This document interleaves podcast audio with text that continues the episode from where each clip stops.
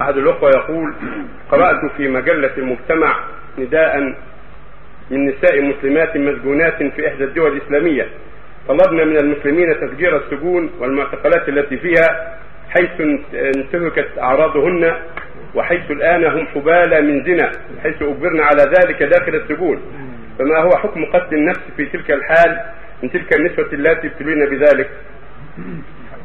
قتل النفس بين الله عز وجل النهي عنه وهكذا رسوله عليه الصلاة والسلام الله يقول ولا تقتلوا أنفسكم إن الله كان رحيما والنبي صلى الله عليه وسلم حذر من قتل النفس وأخبر عن رجل اشتد به الجرح فقتل نفسه فقال قال الله جل وعلا بادرني العبد بنفسه حرمت عليه الجنه فقتل النفس لا يجوز ولا يحل للإنسان إذا ابتلي يقتل نفسه وتبتلى بالفاحشة.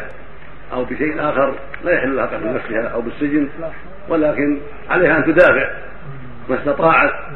وهكذا الرجل لو ابتلى في اللواط أو غيره يدافع ما استطاع ولا افضل إلى أن يقتل لكن لا يقتل نفسه. يدافع ولا يمكن من نفسه لا من اللواط ولا من الفاحشة. فإن قتله صاحب الجريمة فهو شهيد. النبي صلى الله عليه وسلم قال من قتل دون ماله فهو شهيد. من قتل دون دونه فهو شهيد. قتل دون دمه فهو شهيد. وجاءه رجل قال يا رسول الله الرجل يأتيني يريد مالي. مال مو بنفس مالي. قال لا تعطيه مالك. قال فإن قاتلني؟ قال قاتله. قال فإن قتلته؟ قال فهو في النار. قال فإن قتلني؟ قال فأنت في الجنة. دل ذلك على المظلوم. المظلوم يقاتل ويدافع فإن نجح فالمجرم في النار نعوذ بالله.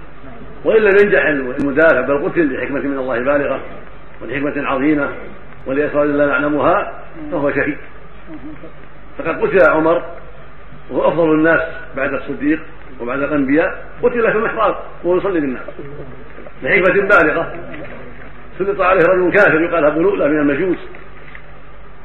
لأسباب حكم حكم عليه به عمر رضي الله عنه وأرضاه.